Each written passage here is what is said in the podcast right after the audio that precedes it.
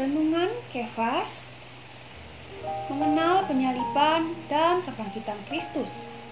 Ayat Alkitab Matius pasal 20 ayat 18 mengatakan Sekarang kita pergi ke Yerusalem dan anak manusia akan diserahkan kepada imam-imam kepala dan ahli-ahli Taurat dan mereka akan menjatuhi dia hukuman mati. Sobat Kefas, untuk menerima pahala kerajaan, kita perlu mengalami penyaliban dan kebangkitan.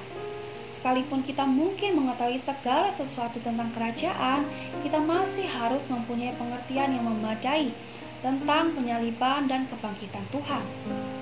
Tanpa mengalami penyaliban Tuhan dan kebangkitan Tuhan, mustahil mengalami hayat Tuhan untuk pahala kerajaan.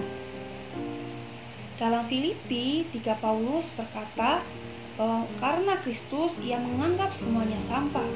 Kemudian ia mengatakan bahwa ia damba untuk mengenal Kristus dan kuasa kebangkitannya agar ia menjadi serupa dengan dia dalam kematian Kristus.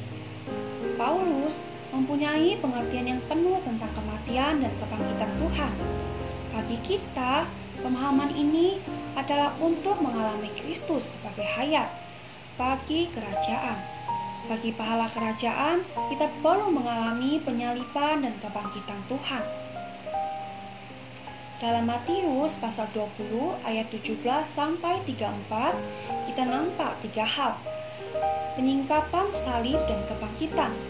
Reaksi yang kasihan dari murid-murid karena ambisi mereka terhadap kedudukan dan kesembuhan dua orang buta. Setiap orang yang berambisi itu buta. Asalkan kita berambisi, kita berada di pinggir jalan dan perlu kesembuhan. Segera setelah kedua orang buta itu melihat kembali, mereka mengikuti Tuhan di jalan. Ini menunjukkan bahwa ketika nampak salib dan kebangkitan, kita berada di jalan untuk mengikuti Tuhan. Sobat Kefas, salib dan kebangkitan sangat berarti bagi kita tetapi ambisi terhadap kedudukan wajib disalibkan.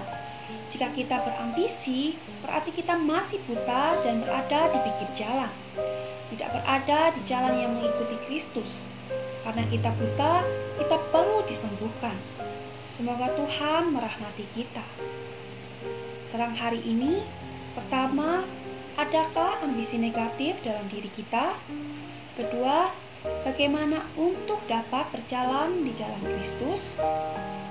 Beban doa Berdoa agar kita mengenal penyaliban dan kebangkitan Kristus dengan rela menyalipkan ambisi yang bersembunyi di dalam diri kita.